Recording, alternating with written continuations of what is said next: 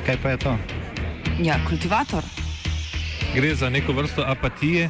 To lahko reče samo kreten, noben drug. Socialni invalid in ga je ne mogoče urejati. Drugi kandidat. Pa, eh, pa pije, kadi, masturbira, vse kako ti lahko reče. Nihče tega ne ve. Vsak petek skultiviramo dogodek tedna. Lahko po kriterijih radio študent, težko pa po evropskih kriterijih.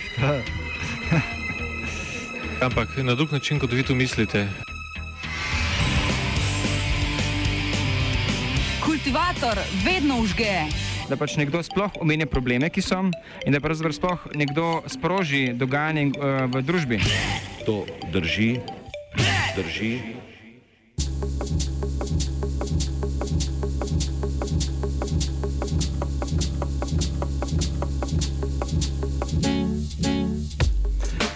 Ministrstvo za infrastrukturo je v začetku tega meseca pripravilo dopolnjen osnutek dokumenta s polnim nazivom Celoviti energetski in podnebni načrt Republike Slovenije.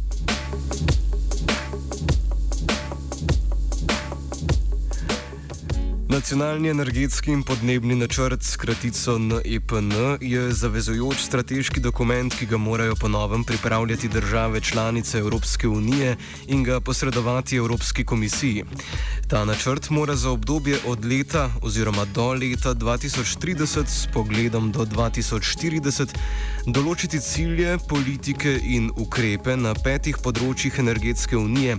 Prvič, razogličenje, drugič energetska učinkovitost, tretjič energetska varnost, četrtič notranji trg energije. Ter petič raziskave, inovacije in konkurenčnost.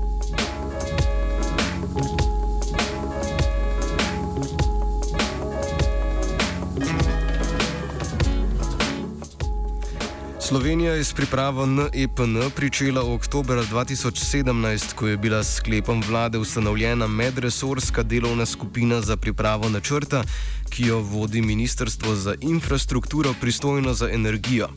Pri pripravi končnega, več kot 200 stranskega dokumenta je sicer sodelovalo več ministrstev, rok za oddajo končne verzije načrta v Bruslju pa je konec leta.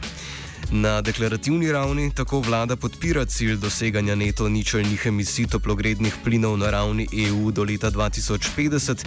Med ostalimi zapisanimi cilji so prav tako obljube o zmanjšanju emisij toplogrednih plinov do leta 2030 za vsaj 15 odstotkov glede na leto 2005 z doseganjem indikativnih sektorskih ciljev. Na tem področju se pričakuje poslabšanje stanja zgolj v prometu, do zmanjšanja izpustov pa naj bi v veliki meri prišlo v industriji in predelavi odpadkov, kjer bi tudi za polovico znižali izpuste glede na izhodiščno leto.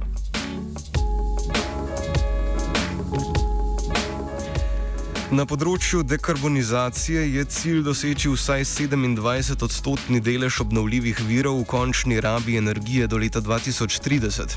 Kar zadeva učinkovito rabo energije, se Slovenija zavezuje, da bo do leta 2030 prišlo do izboljšanja energetske učinkovitosti za vsaj 32,5 odstotka, glede na osnovni scenarij iz leta 2007.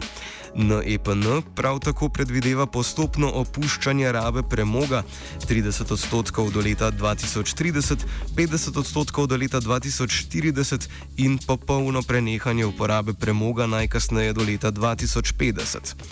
Po letu 2025 bo uvedena prepoved prodaje in ugradnje novih kotlov na kurilno olje, v prenosnem in distribucijskem omrežju pa bo zagotovljen vsaj 10-odstotni delež metana ali vodika obnovljivega izvora do leta 2030 in 25 odstotkov do leta 2040. Načrt med drugim vključuje tudi zavezo o zakonski opredelitvi energetske revščine do leta 2021. Na področju raziskav pa bo treba doseči skupna vlaganja javnega in zasebnega sektorja v raziskave in razvoj v višini najmanj 3 odstotkov BDP-ja do leta 2020 ter najmanj 3,6 odstotka BDP-ja do leta 2030.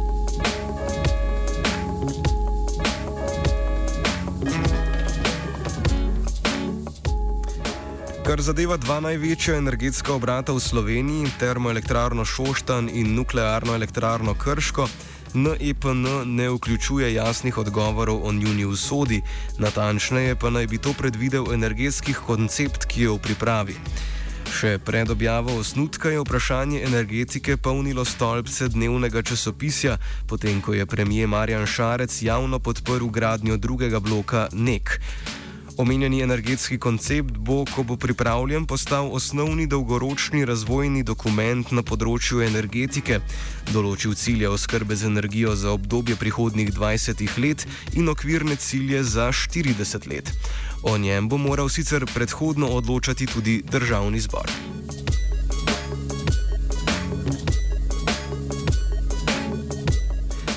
Danes je sicer na trgu republike že tradicionalno potekal shod gibanja Mladi za podnebno pravičnost.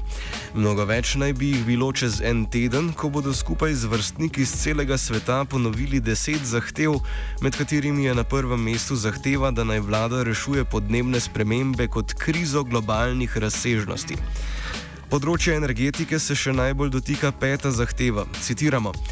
Zahtevamo, da se delovni skupini vlade za prestrukturiranje premogovnih regij podeli mandat za pripravo pravičnega in nadzorovanega načrta za zaprtje termoelektrarne Šoštan in premogovnika Velenje ter oblikovanje plana za prehod v zeleno in socialno prihodnost regije. Omenjena objekta naj se na pravičen, socialno sprejemljiv in postopen način zapre najkasneje do leta 2030. Konec citata. Škarje in platno za uresničitev desetih zapovedi imajo vlada in njeni šefi v Bruslju.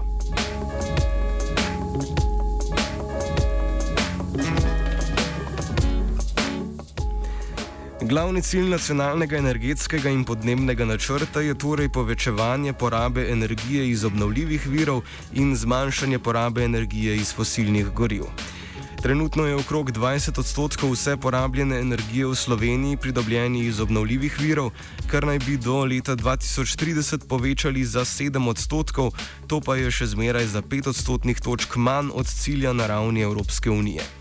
Stane Merše, koordinator pisanja osnutka NEPN-ja iz inštituta Jožef Štefan, rešitev vidi na področju prometa, ne pa v industriji. Največji končni porabnik vse energije je s 40 odstotki namreč promet, industrija porabi okrog 25 odstotkov, malce manj pa gospodinstva. Zdaj, če govorimo o obnovljivih virih energije, sigurno pač je največji potencial za povečanje seveda v, pri proizvodnji električne energije, pa pri ogrevanju in hlajenju. S tem, da tukaj pri proizvodnji električne energije sigurno se kaže trenutno kot največji potencial pri sončni energiji. Ne? In tukaj, kot ste omenili, sigurno je ta nekoliko eh, stališča integracije v mreže do leta 2040. Imamo še določene omejitve, zato bo v tem obdobju res treba intenzivno delati na enem razvoju mreže, predvsem pametnih omrežij, da bojo sposobne eh, integrirati to, to energijo. Ne?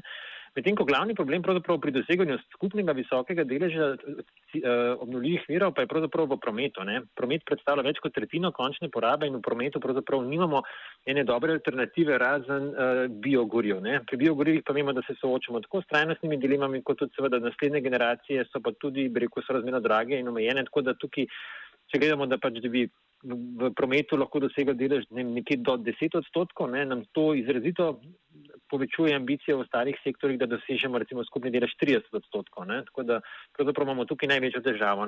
Hkrati pa Slovenija ima manjši potencial recimo pri veterni energiji v primerjavi z drugimi evropskimi državami, kar tudi bi rekel na nek način otežuje doseganje višjih ciljev. Ne? Poleg tega pa tudi recimo tehnologije v industriji. Ne? Danes tudi niso še na taki ravni, da bi industrija lahko izrazito povečala delež obnovljivih virov. Tako da ja, imamo, je veliko večplasten problem, vsekakor pa ne poskuša delati, da se čim več obnovljive energije breko uh, v prihodnje, da bi se uporabljala in razvijala. Ne? Prav tako Merše računa na zmanjšanje porabe premoga in večje pridobivanje elektrike iz sončne energije delež obnovljive energije moramo povečevati v vseh sektorjih, ne? tako pri ogrevanju, tako pri proizvodnji električne energije, kot v prometu. Zdaj, če omenjate pa proizvodnjo elektrike oziroma sam elektroenergetski sistem, ne? zdaj, ko gledamo perspektivo naslednjih desetih let, nekje do leta 2040, ne? zagotovo tukaj ne pričakujemo še nekih uh, dramatičnih sprememb, kar se tiče pač velikih uh, elektrarn, no, kot ste omenili, pač jedrska elektrarna ne bi bila še v obratovanju.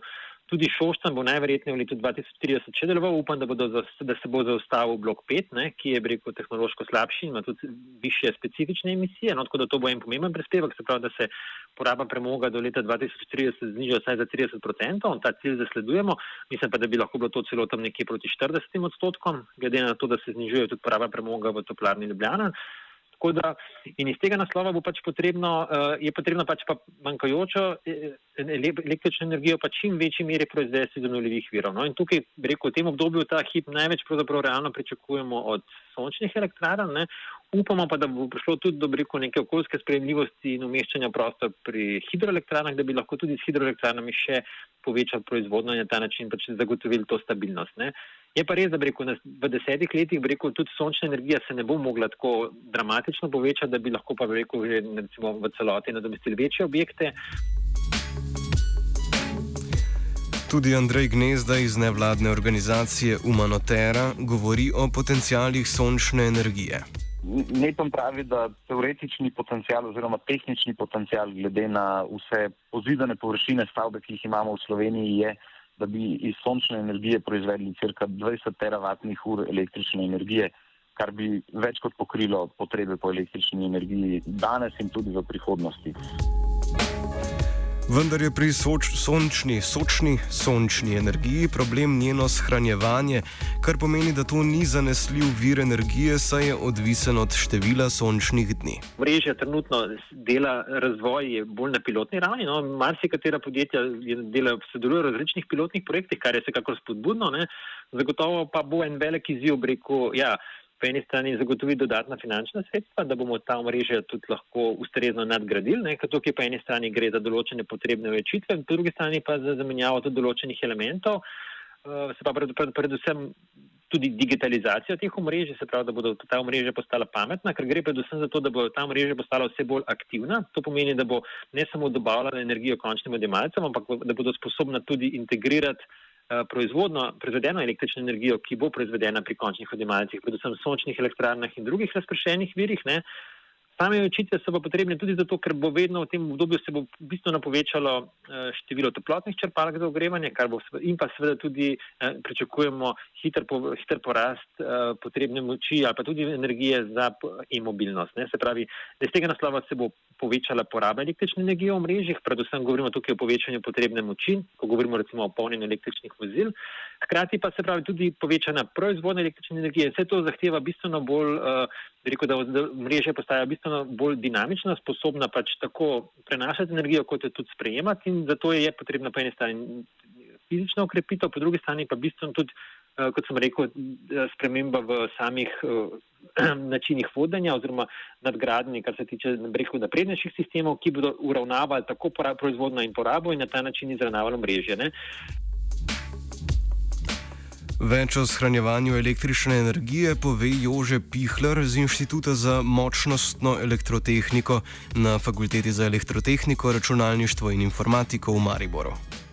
Eden od najbolj naravnih načinov je ta, da zgradimo recimo elektrarno, ki mi pravimo črpalna hidroelektrarna. Ne? To, kar imamo že projekte v Mariboru, črpalna hidroelektrarna Kozjak.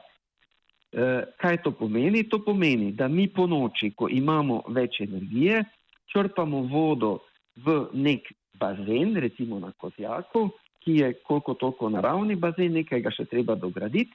Takrat pa, ko mi energijo potrebujemo, pa to vodo spustimo v elektrarno, se pravi v to črpalno elektrarno in dobimo to, bi rekel, najbolj kvalitetno energijo. To je pa takrat, ko mi potrebujemo konično, tako zvano konično oziroma vršno energijo. Eh, se pravi, čez dan včasih nastopi nekaj, ko je ogromno porabe, takrat nimamo recimo dovolj energije ne, in takrat eh, koristimo to energijo. Se pravi, to je nekako najbolj naravni način shranjevanja. Drugi način shranjevanja energije je pa način, kjer mi imamo določeno To je dejansko kot neka velika postaja, v kateri imamo baterije shranjene in te baterije mi polnimo v času, ko pač imamo na razpolago energijo. Recimo, če imamo več vetra, več sonca, potem te, energije, te baterije polnimo, takrat, ko pa rabimo to energijo, pa to energijo uh, uporabimo dejansko tudi. Ne. So pa še neke nove, neki drugi načini eh, teh, eh, bi rekel, hranilnikov, recimo z vodikov ali pa še kakšni drugi, tudi neki mehanski načini so z nekimi strajniki, ki pa še, bi rekel, ekonomsko niso eh, najbolj, eh, se pravi, tehnično so koliko toliko raziskani, niso pa ekonomsko upravičeni, bi temu rekli. Ne.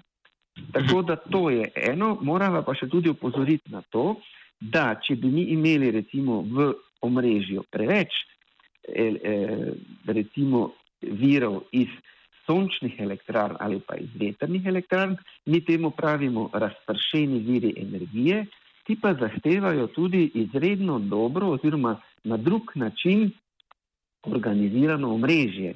Se pravi, to je pa omrežje, po katerem mi dobavljamo to energijo. Govorimo o tako zvanem pametnem, pametnem omrežju, ne, ker če mi imamo preveč teh izvorov, teh virov v omrežju, se lahko zgodi, da v, v nekem določenem trenutku imamo premalo porabo in to omrežje mora biti sposobno razpoznati, ne, da je takšen, takšno, takšne razmere so v omrežju, ker drugače nam lahko to omrežje enostavno razpade ne, in imamo razpad omrežja. Dejansko je naša proizvodnja trenutno takšna, ne, da je tretjino v grobem rečeno, tretjino iz hidroelektrarn, pa veliko nasploh iz obnovljivih virov, potem druga tretjina je iz eh, soštanja, iz eh, šestke in pa petke, ne, nekaj še tudi petica deluje, in pa iz nuklearne elektrarne. To je naša proizvodnja. S tem, da pa ne smemo pozabiti, da polovico nuklearne elektrarne gre na Hrvaško. Ne, tako da nam, če spet eh, zelo eh, od, eh, govoriva o cenah, nam primankuje okrog 20% električne energije ta trenutek. Ne? In eh, sedaj, če mi hočemo povečati, se pravi, eh, to iz eh, obnovljivih virov, potem vsekakor moramo omeniti tudi, bi rekel, eh, jedrsko energijo, ki sicer ni energija iz obnovljivih virov, je pa neke vrste nizkooglična energija, da temu tako rečemo. Ne? E, to pomeni, da mi, Slovenija, kot Slovenija, kot taka, mi tehniki pravimo, da če bomo tam nekje okrog peti, leta 45 ali pa recimo 50, eh, bo, ali pa najprej bo že prej bo eh, šoštan šest, da ne bo, potem še ne bomo imeli čez par let tudi nuklearne, eh, potem Se pravi, če mi predčasno, predtem ne začnemo, pa nam se že sedaj mudi, da se strateško odločimo, kaj, potem bomo enostavno ostali brez električne energije. Nekateri pravijo, ja pa se to ni problem, vse pa imamo, ja mi lahko to energijo kupimo. Ne, se pravi, jo eh, dobimo iz drugih držav, iz evropskega trga ali pa iz Rusije. Ne vem, temu teoretično to drži, vendar niti slučajno praktično. Zato, ker če mi hočemo večjo količino energije pridobiti, potem potrebujemo omrežje. Tega omrežja pa ni zgrajenega. Ne? Pravi, neke možnosti so, kako sem že prej rekel, mi že sedaj teh 20% energije uh, uvažamo. Ne? Uh, ampak za večje količine pa možnosti ni, zato ker enostavno ni omrežja. Povečanje porabe energije iz sončnih celic je tako za zdaj bolj možnost v prihodnosti, ne pa tudi trenutno realna možnost. Zanesljiva vira energije sta po drugi strani termoelektrarna Šoštan in jedrska elektrarna. NEPN za jedrsko elektrarno predvideva obratovanje do leta 2043 in ne načrtuje izgradnje drugega bloka. Za termoelektrarno Šoštan so po drugi strani predvideni trije scenariji, od katerih bi najbolj ambiciozen TEŠ5 zaprl do leta 2030, na TEŠ6 pa naj bi namestili nove čistilne naprave. Več merše. Glede Boka 6, je pa, pač, je pa tukaj še vprašanje zdaj, eh, neke časovnice zaprtja. Najverjetneje, ki pričakujemo, da bi bilo to po letu 2040. Ne, ko bodo na razpolago tudi morda uh, druge alternative, kot sem rekel, v večjem obsegu, tudi uh, sončna energija, pa tudi hidroenergija, ki bi lahko podprla ta manjkajoči del proizvodne verjetno bo en del proti proizvodne potrebno zagotoviti tudi iz drugih elektrarn. Do leta 2030 nekako ne pričakujemo, da bi se to verjetno že zgodilo, lahko tudi, to je še stvar neke politične odločitve, najverjetneje pa je to bolj nekje v obdobju med letom 2030 in 2040, ko, se, ko se bo, ko je rekel, lahko, en, lahko sledimo neki ustrezni časovni dinamiki in ustreznim razvoju, da se regija prestrukturira in da bi lahko tudi brez termoelektrarne Šoštan sistem normalno deloval. Če gledamo termoelektrarno Šoštan blok 6, ne, ta je na tehnološko, ta je pravzaprav na neki najvišji ravni, kakor jo danes poznamo za to vrste elektrarne. Tukaj je specifična raba premoga je pravzaprav praktično najmanjša in tudi breko čiščenja vseh ostalih emisij je breko na najvišji možni ravni. Ne. Zdaj, če bi eh, prišlo do neke odločitve, oziroma če bi se v tem času pokazalo, da je lahko, da je dovolj premoga in da, breko, da je tudi neka ekonomika in da bi se upeljala tehnologija zajema tudi oglikovega dioksida, je to lahko ena tehnološka rešitev, s katerimi pač dejansko uh, zmanjšali vpliv, zmanjšali emisije CO2 v prihodnje. Ne? Ki se pa morda se to kaže kot manj verjeten ukrep, ker je prej zaradi omejenih zalog uh, lignita na lokaciji, bo verjetno ta elektrarna zaprta v krajšem času in zato verjetno ta, to čisto zajem oglika verjetno ekonomsko ne bi bil pravičen, ker bi bilo to prekratko obdobje, pa pred vprašanje tudi bi rekel same razpoložljivosti te tehnologije že v letu 2030. Zato je pač bolj verjetno, da se bo pač termoelektrarno Šoštan zaprlo in potem nadomeščalo z drugimi viri. Ne? Zdaj, v eni, nekem, neki meri bo to seveda verjetno zemljski plin oziroma tudi sintetični naravni plin, se pravi dekarboniziran zemljski plin, to je pač ena od možnosti. Ali pa, če bo prišlo do odločitve do izgradnje druge jedrske elektrarne, bo seveda tudi to lahko en uh, nadomestni objekt, ki bi lahko to dolgoročno tudi nadomestil. Ampak to so, bo rekel, še nekoliko bolj dolgoročni scenariji, ki jih pa pravzaprav ne pa v tem trenutku niti ne naslavlja tako direktno. To so odločitve, ki jih bo treba sprejeti pa nekje do leta 2030, pa zagotovo. Primoš Turenšek iz Gibanja Mladi za podnebno pravičnost ocenjuje, da je tak načrt premalo ambiciozen. Ja, naše stališče glede tega je, da je pač uh, NEPN premalo ambiciozen, oziroma smo mnenja, da prelaga odgovornost zapiranja termoelektrarne Šoštan na prihodne odlečevalce po letu 2030, ko bi ne že v bistvu kar nekaj ukrepov sprejel, ker tudi recimo poročila znanstvenikov, kot je IPCC, imajo pač neko časovnico oziroma korake, kako bi ne zmanjševali spuste CO2 -ja oziroma antropogenih toplogrednih plinov, eh, česar pač eh, ne, ne upošteva. Eh, zato pač se s tem ne strinjamo. Z zaprtjem termoelektrarne Šoštan se deklarativno celo strinja tudi predsednik najbolj šaleške stranke, socialni demokrati Dejan Židan, ki napoveduje, da se bo njegova stranka vse bolj posvečala zelenim politikam. Tudi mi eh, eh, podpiramo eh, zaprtje eh, teša, kar se tiče izrabe fosilnih goriv. Nimamo čistočnih informacij na razpolago, kako dolgo sploh je na razpolago. Eh, lignit eh, v naših rudnikih. Mi mislimo, da je čist nedopustno, da bi se odkudarkoli drugoč eh, lignit vozil v Slovenijo. Sveda od zadaj pa tudi želimo, da se pripravi program prestrukturiranja Saleške doline. Podobno kakorkoli posod drugot po Evropi so zadaj realni programi prestrukturiranja, tudi tukaj v Sloveniji ga moramo narediti. V primeru zaprtja Teša bi morala luknja v proizvodni zanesljive energije verjetno zakrpati jedrska elektrarna. Pihler tako ocenjuje, da je potreba po izgradnji drugega bloka jedrske elektrarne realna. Vsekakor bi morali tisto glavno strateške smeri, se pravi, kam naj gremo, ne, bi, bi morali določiti v tem programu, zato, da bi se pravočasno lahko ti energetski objekti začeli pripravljati. Doseči pa nek konsens. Pri nas je največja težava v tem, da ne moremo doseči tega konsenza. Ne? Zato, ker na eni strani imamo ne, pač neko uh, tehniko, ki govori o zmožnostih, kar je zmožno, ne? potem na drugi strani seveda imamo to, kar si mi lahko finančno privoščimo, ker če si država Slovenija nečesar ne more finančno privoščiti, potem nima smisla o tem govoriti. Ne, na, na drugi strani, oziroma bi rekel tretje, pa potem um, še imamo to, kar je dejansko zmožno, ne, se pravi, kar je dejansko tehnično izvedljivo, kar stanje tehnike danes omogoča. Ne, mogoče bo stanje tehnike čez ne vem, 20 let, ne, ker zdaj govorimo malo na daljši rok, omogočalo nekaj drugega. Vendar je težava v tem, da se energetski objekti, recimo, če bomo se odločili za eh, nuklearno elektrarno dodatno, to traja najmanj 10 let.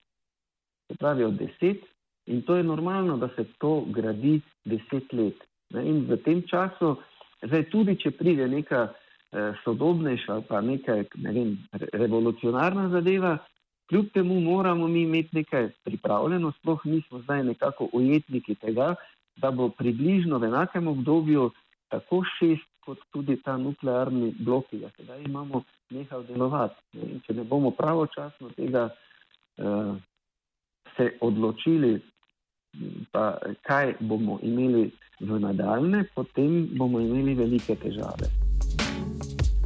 Nek dve je tudi po mnenju Meršeta ena od možnosti. Uh, kot sem rekel, odločitev bo verjetno treba sprejeti nekje do leta 2030. Ne? Se pravi, sam, če bi pa do te odločitve prišlo, da bi, je to lahko ena od možnih alternativ. Ampak kot sem rekel, bo treba to odločitev sprejeti na podlagi uh, nekih uh, konkretnih razmer, ki bodo v tem, tem času. Medtem ko mladi za podnebno pravičnost mnenja o neku dve še niso artikulirali, gnezda pa ocenjuje, da obstajajo boljše rešitve. Mi ocenjujemo, da, da imamo boljše in tudi ugodnejše rešitve. Ne na zadnje govorimo o 5-10 milijardni investiciji, morda celo. Uh, gre za en ogromen centraliziran vir, ki bi prinesel tudi v tem smislu dodatne težave, vendar le moramo biti fleksibilni v prihodnosti. In že predvsem iz finančnega vidika in izkušenj vodenja projektov mislimo, da to nikakor ni pravi projekt. Uh, hkrati pa bi s tem preprosto porabili, da tako rečemo, vsa sredstva, ki bi jih lahko vložili v uh, boljše in pametnejše alternative od uh, razvoja javnega potniškega prometa, železniškega prometa, obnovljivih verov energije, pametnih omrežij in tako dalje. Preprosto, če bi toliko sredstev angažirali za drugi blok, bi zelo verjetno to zavrlo investicije v vse ostale sektore. Prav tako NEPN predvideva rast porabe energije, kar je za gnezdo problematično. NEPN predvideva nadaljno rast porabe energije tako v sektorju prometa kot v sektorju industrije. Edini cilj oziroma edini sektor, kjer je uh, zastavljena dejansko zmanjšanje rabe energije za tam 30 odstotkov, je sektor gospodinstv. In podobno ambiciozni bi morali biti tudi v ostalih sektorjih ker preprosto uh, s temi projekcijami stalne rasti prometa, proizvodnje in na račun tega porabe energije bomo težko uresničili vse te zastavljene cilje. Jože Pihler ocenjuje, da je NEPN premalo natančen. Premalo uh, je to uh, definirano. Kaj vse v tistem strateškem pomenu, ne? kaj bomo dejansko začeli čez pet let, kaj bomo čez deset let, ne, ker to eh, govori se o tem, da to, to bodo pa rešili določeni, eh, bi rekel, pod narekovaje, podzakonski akti, oziroma to se bomo pa dogovorili. Ne. Ampak to je vseeno nek nacionalni eh, program, v katerem bi, po mojem mnenju, moralo biti do določene mere tudi take zadeve eh, že sedaj. Ne vem, kdaj si je na zadnje za radio študent vzel sam predsednik državnega zbora čas eminenco Židana in preostale je pred mikrofon za kultivator ujel Martin.